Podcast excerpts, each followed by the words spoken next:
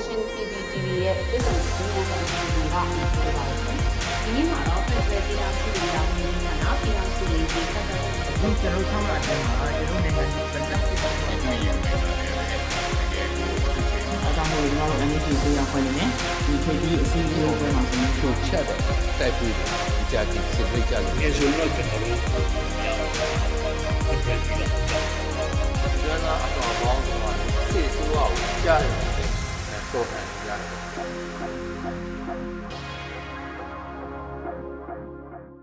မင်္ဂလာပါရှင် NUG ကိုယ်စားလှယ်ဖွဲ့ရဲ့ American နိုင်ငံပထမအဆုံးခီးစဉ်နဲ့ပတ်သက်ပြီးတော့အမျိုးသားညီညွတ်ရေးအစိုးရလူ့ခွင့်ရေးဆိုင်ရာဝန်ကြီးဦးအောင်မျိုးမင်းနဲ့ဒီကနေ့မှာဆက်သွယ်မြင်းမြတ်တော့မှာပါရှင်ဆရာမင်္ဂလာပါရှင်ဟုတ်ကဲ့မင်္ဂလာပါခင်ဗျာဟုတ်ကဲ့ဆရာတို့ NUG ကိုယ်စားလှယ်ဖွဲ့ရဲ့ဒီပထမအဆုံး American ခီးစဉ်အကြောင်းနဲ့ဒီရည်ရွယ်ချက်ကိုအရင်ဆုံးပြောပြပေးပါဆရာ ဟုတ်ကဲ့ကျွန်တော်တို့ဒီအမေရိကန်နိုင်ငံကိုသွားခဲ့တဲ့ရွေချက်ကတော့ရွေချက်အဓိကသုံးခုရှိတယ်လို့ပြောချင်ပါပထမအဆုံးကတော့ကျွန်တော်ရဲ့ဝန်ကြီးဌာနနဲ့သက်ဆိုင်တဲ့လူခွင့်ရေးဆိုင်ရာကိစ္စတွေပါမြန်မာနိုင်ငံမှာလူခွင့်ချုပ်ဖောက်မှုတွေကဆီအာနာသိမ်းမှုစ조사တွေကအခုချိန်ထိဖြစ်နေတော့မှာအခုဆိုရင်ပုံမှုစိုးရတဲ့အခြေအနေထိရောက်ရှိနေပါတယ်အဲ့လိုမျိုးရောက်ရှိနေတဲ့အခြေအနေတွေကို ကမ္ဘာနိုင်ငံအသီးသီးအသိရှိဖို့အတွက်ကျွန်တော်စူးစမ်းခဲ့တယ်။တစ်ချိန်တည်းမှာပဲတစ်ဖက်မှာယူကရိန်းနိုင်ငံမှာဖြစ်ပွားခဲ့တဲ့ဒီကျူးကျော်မှုတွေကြောင့်မလို့ယူကရိန်းပြည်သူနဲ့ယူကရိန်းနိုင်ငံရဲ့လူခွေချိုးဖောက်မှုတွေကိုပုံပြီးတော့အာရုံစိုက်လာဖြစ်လာပါတယ်။တစ်ဖက်မှာလည်းကျွန်တော်တို့ကဒါကိုစာနာတဲ့သဘောရှိပါတယ်။ဒါပေမဲ့တစ်ဖက်မှာလည်းမြန်မာပြည်တွင်းမှာလည်းဒါမျိုးလူခွေချိုးဖောက်မှုတွေရာဇဝတ်မှုတွေကပုံစံတူဖြစ်သွားနေတယ်။ဒါတွေကြောင့်မလို့ ယူကရိန်းကိုကျွန်တော်တို့အာရုံစိုက်တယ်လို့ယူကရိန်းနဲ့ပတ်သက်ပြီးတော့အလေးထားလှုပ်ဆောင်တယ်လို့ကျွန်တော်တို့မြန်မာပြည်သူတွေနဲ့မြန်မာနိုင်ငံရဲ့ຫນွေဥတော်နိုင်ရေးကိုအလေးထားပြီးတော့ကိုညီမှုတွေရရှိဖို့လူခွင့်ရေးရလှုပ်ဆောင်မှုတွေဖြစ်ဖို့အတွက်ဒါတင်ပြလို့ရည်ရွယ်ချက်နံပါတ်1နံပါတ်2ကတော့ကျွန်တော်တို့ NUG အစိုးရရဲ့ယက်တီချက်တွေကျွန်တော်တို့ရဲ့တိုင်းရင်းသားအားလုံးပါဝင်တဲ့အနာဂတ် Federal ပြည်ထောင်စုကြီးကိုဘယ်လိုထူထောင်မလဲဆိုတဲ့အကြောင်းအရာတွေ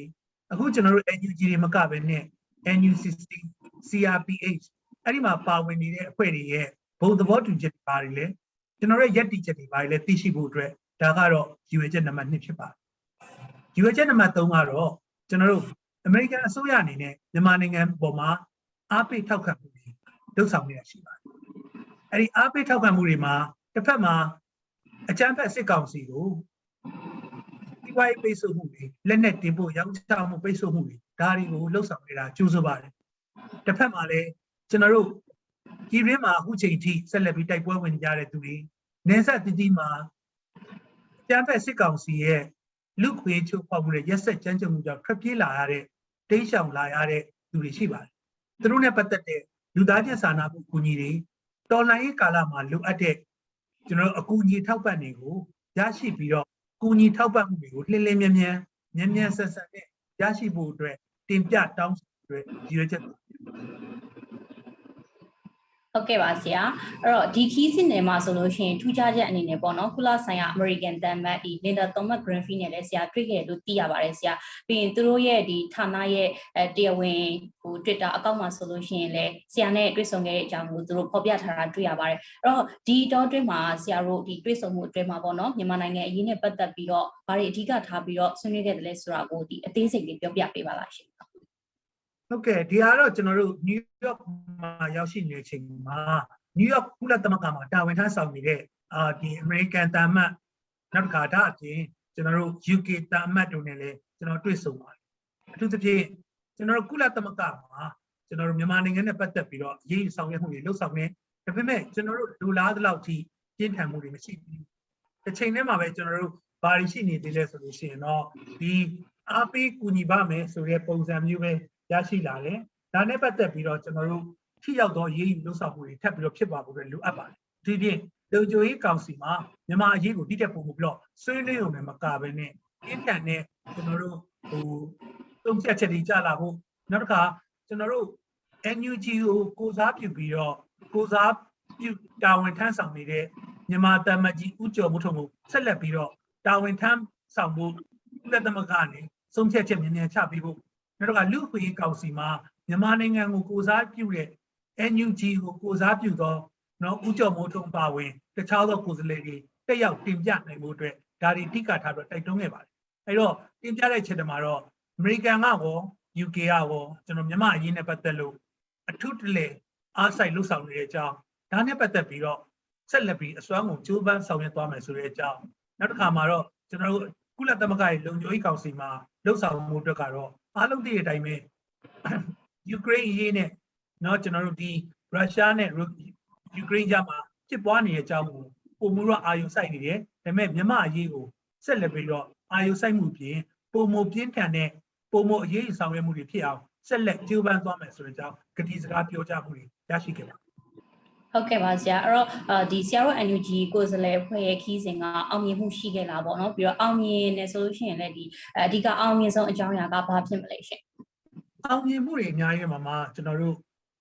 တန်တမာရေးရအောင်မြင်မှုပထမဆုံးပြောပြစီဒါကတော့ကျွန်တော်တို့ NUG အစိုးရကိုတရားဝင်အစိုးရအဖြစ်အတိအမှတ်ပြုတဲ့အဆင့်တော့မရသေးပြီပဲတရားဝင်အစိုးရရဲ့ကိုယ်စားလှယ်အဖြစ်သတ်မှတ်ပြီးဆက်စံ တွေ့ဆုံတာတွေကျွန်တော်ရှိခဲ့တယ်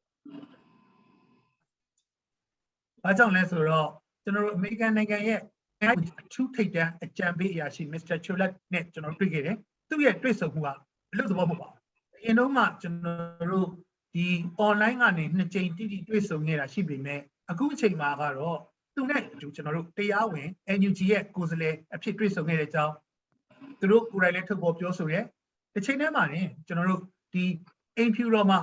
လာရောက်ပြီးတော့တွေ့ဆုံမှုအတွက်ဖိတ်ကြားခံရတာဒါကတန်တမန်ကြီးကအရန်အားကောင်းတဲ့ချက်ဖြစ်ပါတယ်ပြီးတော့အစိုးရတရက်ခဲသို့အတိအမှတ်ပြုဖို့အတွက်ဆက်လက်ကြိုးပမ်းနေသည့်ကာလအတွင်းမှာ NUG ကို NUG ကနေဆွေးနွေးတဲ့ကိုယ်စားလှယ်ဖွဲ့ကိုအစိုးရကဲ့သို့အတိအမှတ်ပြုတဲ့တန်တမန်ရေးရာလှုပ်ဆောင်မှုတွေရရှိခဲ့ပါဒါအပြင်ကျွန်တော်တို့တင်ပြခဲ့တဲ့ဒီ American အစိုးရရဲ့ policy တွေထင်ဟပ်စေမဲ့အကြောင်းအရာတွေစီးပွားရေးပိတ်ဆို့မှုတွေ လက်နက်တင်ဖို့ရောင်းချမှုတွေကိုထပ်မံပြီးတော့လှုပ်ဆောင်သွားမယ်ဆိုတဲ့အပြင်သူတို့ရဲ့ American အစိုးရရဲ့ဥဆောင်မှုနဲ့အတူတခြားသောနိုင်ငံတွေကပါဆက်ပြီးတော့ပူးပေါင်းပါဝင်ပြီးဖို့ဒါကအမေရိကန်နိုင်ငံအနေနဲ့ကျွန်တော်တို့မြန်မာနိုင်ငံရဲ့ပြည်သူတွေပေါ်မှာကူညီတဲ့ Burma Bill ဆိုတဲ့ဒီဥပဒေချမ်းကိုအမြန်ဆုံးတည်ပြုနိုင်မှုအတွက်အားပေးထောက်ခံမဲ့အကြောင်းနောက်တစ်ခါ NUG NUCC CRPH နဲ့တိုင်းရင်းသား တော်လှန်ရေးအဖွဲ့တွေကိုကူညီပေးမဲ့ငွေကြေးကူညီမှုတွေကိုလည်းအလင်းမြန်ဆုံးနဲ့အမြန်ဆန်ဆုံးလှုပ်ဆောင်သွားဖို့အတွက်သူတို့အနေနဲ့ဆက်လက်လှုပ်ဆောင်သွားမယ်ဆိုတော့ဒီတကာရရှိခြင်းကအောင်မြင်ဆုံးအချက်တွေဖြစ်ပါတယ်။အဲ့ဒီနေရာမျိုးမှာကျွန်တော်တို့အနေနဲ့ဒီမြန်မာနိုင်ငံအတွက်သူတို့ဒီလိုမျိုးပေးဖို့အတွက်ယာယီစိုင်းငံ့ထားတဲ့1 billion နဲ့ပတ်သက်ပြီးတော့ကျွန်တော်တို့အခုချိန်မှာချက်ချင်းလက်ငင်းကြီးမပေးနိုင်သည့်တိုင်အောင်ဒါနဲ့ပတ်သက်ပြီးတော့ သူတို့အနေနဲ့ဟိုပုံမူပြီးတော့အမြန်ဆုံးပေးနိုင်မှုအတွက်စဉ်းစားသွားမယ်အကြောင်းတစ်ဖက်မှာလည်းကျွန်တော်တို့အနေနဲ့ဒါတွေနဲ့ပတ်သက်ပြီးတော့ပြင်ဆင်လှုပ်ဆောင်တဲ့အကြောင်းတွေကိုလည်းပွင့်ပွင့်လင်းလင်းတင်ပြပြောဆိုပြီးအကြံပေးတော့တာဒါတွေအောင်မြင်မှုတရက်ပါနောက်တစ်ခုကတော့ကျွန်တော်တို့ဒီခုနကတော့ပြောခဲ့တဲ့ဥပဒေချမ်းပေါ့နော်မြန်မာနိုင်ငံနဲ့ပတ်သက်လို့မြန်မာနိုင်ငံအခြေအနေကတာမန်အခြေအနေမဟုတ်တော့ဘူးတကယ်ကိုအရေးတယူနဲ့လှုပ်ဆောင်မဲ့အခြေအနေမျိုးတွေဖြစ်တယ်ဒါကြောင့်မလို့မြန်မာနိုင်ငံနဲ့ပတ်သက်ပြီးတော့ကူညီပေးဖို့အတွက်လှုပ်ဆောင် ပြင်ဆင်ထားတဲ့ Burma Act လို့ခေါ်တဲ့ဥပဒေမူချမ်းကိုသူတို့ဒီအောက်လွတ်တော်ကနေဒါသူတို့ဒါဆုံးဖြတ်ချက်ချပြီးတော့အတည်ပြုလိုက်ပါတယ်အဲ့တော့ဒီကိစ္စနဲ့ပတ်သက်ပြီးတော့ထက်လွတ်တော်ကနေလဲဒါကိုအမြန်ဆုံးစီရင်ချက်အဆုံးဖြတ်ချက်ချပြီးတော့ခွင့်ပြုနိုင်မှုအတွက်ဒါတွေကျွန်တော်တို့ဒါပြောဆိုနိုင်တဲ့ချက်ကကျွန်တော်တို့ရဲ့အောင်မြင်မှုဖြစ်ပါတယ်ခင်ဗျာ ဟုတ်ကဲ့ပါဆရာနောက်တစ်ခုသိချင်တာပေါ့နော်ဒီမြန်မာနိုင်ငံမှာအာဏာသိမ်းပြီးရဲ့နောက်ပေါ့အဲဒီအမေရိကန်ကထိန်းချုပ်လိုက်တဲ့မြန်မာဘဏ္ဍာငွေဒီဒေါ်လာတန်တထောင်နဲ့ပတ်သက်ပြီးတော့ရောဗာရင်းများထူးခြားမှုရှိလဲရှင်ဟုတ်ကဲ့ခုနကတော့ကျွန်တော်ပြောခဲ့သလိုပါပဲဒီတန်းတစ်ထောင်နဲ့ပတ်သက်ပြီးတော့ဟိုကျွန်တော်တို့ဒါလည်းပုတ်ပွင့်လင်းလင်းပြောပါတယ်မြန်မာနိုင်ငံရဲ့အခြေအနေကဒါအောင်ရန်အရေးကြီးလိုအပ်နေတယ်ဒါနဲ့ပတ်သက်ပြီးတော့ကျွန်တော်တို့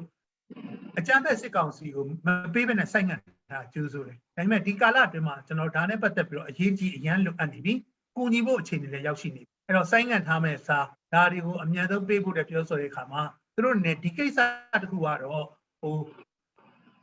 အားလုံးကိုလွှမ်းခြုံပြီးတော့ချက်ချင်းပေးနိုင်မှုအတွက်ကတော့နိုင်ငံရေးအရပြင်ဆင်မှုတွေနောက်တခြားနိုင်ငံရဲ့အတွေ့အကြုံတွေရပေးဖို့အတွက်သူတို့ချက်ချင်းကြီးမလွယ်ကူသေးတဲ့အကြောင်းသူတို့ကပုံမှန်လေးပြောဆိုပါတယ်ဒါပေမဲ့ကျွန်တော်တို့ရဲ့အခြေအနေက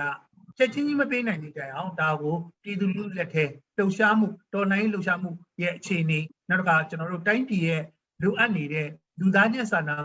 မှုအကူအညီစတဲ့အကူအညီတွေမှာပေးဖို့အတွက်လိုအပ်တယ်ဆိုတဲ့အကြောင်းဒါကြောင့်မလို့ကျွန်တော်တို့ဘက်က NUG အနေနဲ့လည်းတကယ့်ကိုလေပတ်နိုင်တဲ့အစိုးရတရက်ကဲဆိုလေပတ်နိုင်တဲ့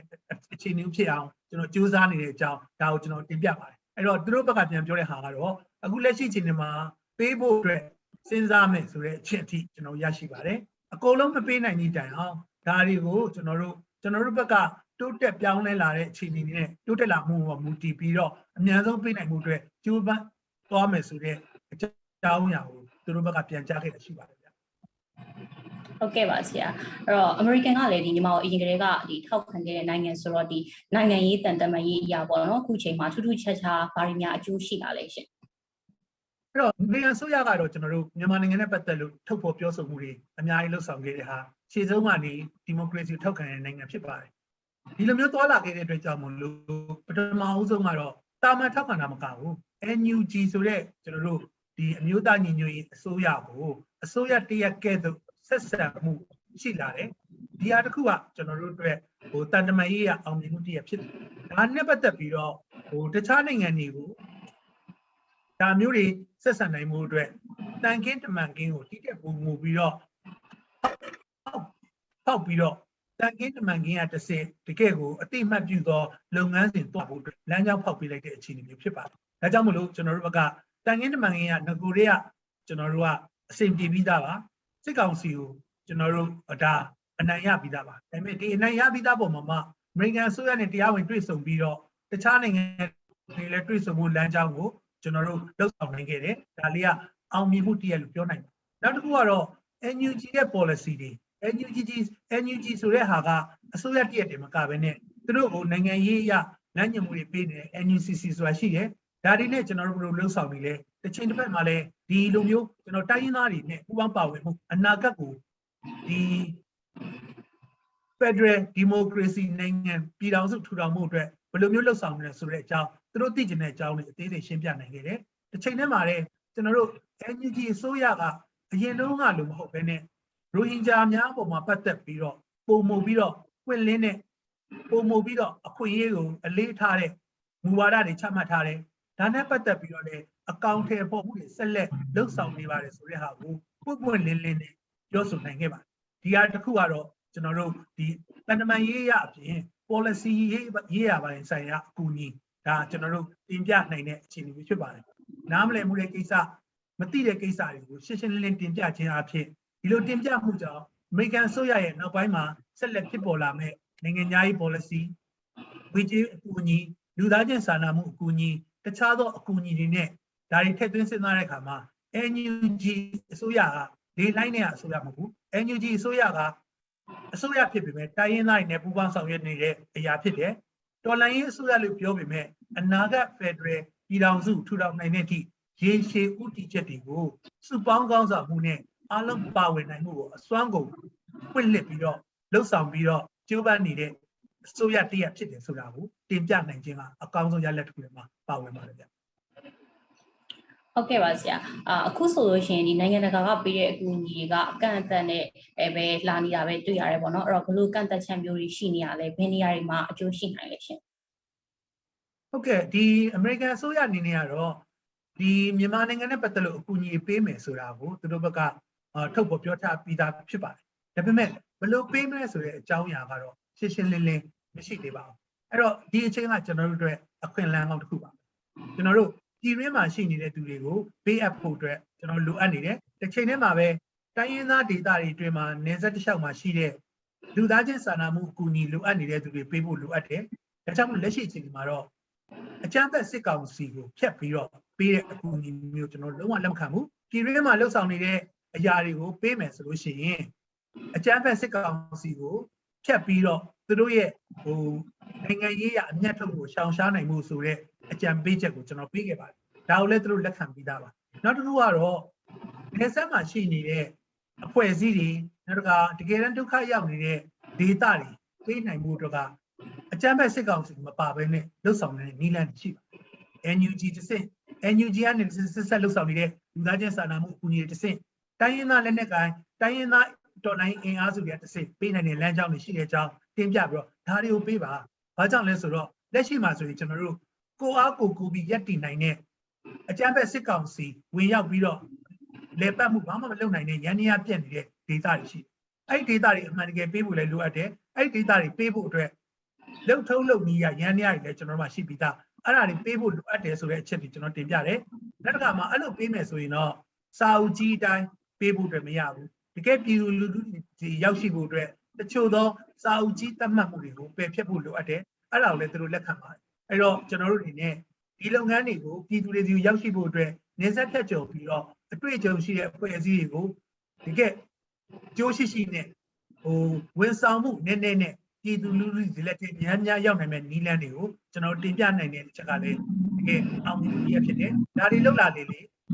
လိုအပ်တဲ့လူသားချင်းစာနာမှုအကူအညီတွေတခြားသောအကူအညီတွေကိုတင်းလင်းမြန်မြန်နဲ့ဟိုလေလွတ်မှုမရှိဘဲနဲ့ရောက်ရှိနိုင်အောင်ကျွန်တော်တို့ကြိုးပမ်းနိုင်ခဲ့ပါတယ်ခင်ဗျ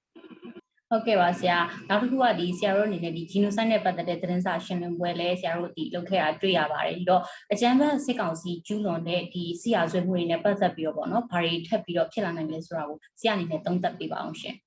ကျွန်တော်တို့ခရီးစဉ်မစခင်တပတ်အတွင်းမှာပဲအမေရိကန်အစိုးရရဲ့နိုင်ငံခြားရေးဝန်ကြီးကနေရိုဟင်ဂျာတွေပေါ်မှာကျူးလွန်ခဲ့တဲ့မှုကဂျီနိုဆိုက်မြောက်တဲ့အကြောင်း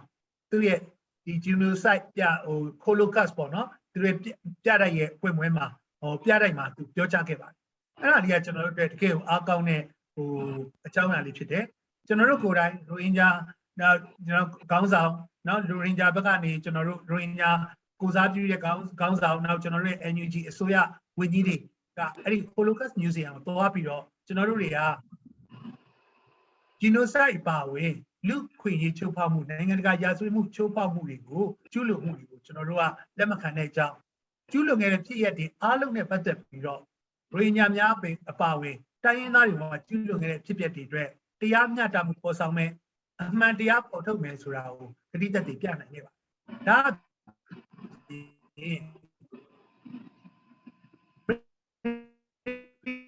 ကံဆိုရအနေနဲ့မျိုးတိုက်တဲ့မှာကျူဆိုတို့တတ်မှတ်ချက်ဖြစ်တယ်ကျွန်တော်တို့ဘက်က genocide နဲ့ပတ်သက်လို့ဟိုကျူးလွန်လားမကျူးလွန်လားဆိုတာကတော့ ကျွန်တော် ICG တို့ ICC တို့ကိုစုံဖြတ်ချက်လှုပ်ဆောင်ပေးဖို့အတွက်လှုပ်ဆောင်ပြီးသားတကယ်လို့သူတို့ဘက်ကနေစုံဖြတ်ပါတယ်ဒါ genocide မြောက်ပါတယ်ဆိုရင်ကျွန်တော်တို့သူတို့ရဲ့စုံဖြတ်ချက်တိုင်းလိုက်နာဖို့အတွက်လည်းကျွန်တော်ကတိပေးပြီးသားဖြစ်ပါတယ်အဲ့တော့အဲ့ဒီမျိုးကိစ္စမျိုးမှာကျွန်တော်တို့ဘက်ကလည်းဒါနဲ့ပတ်သက်ပြီးတော့လှုပ်ဆောင်မှမယ်ဆိုတဲ့ဆန္ဒဖြစ်တယ်အမေရိကန်အစိုးရလည်းဒါနဲ့ပတ်သက်ပြီးတော့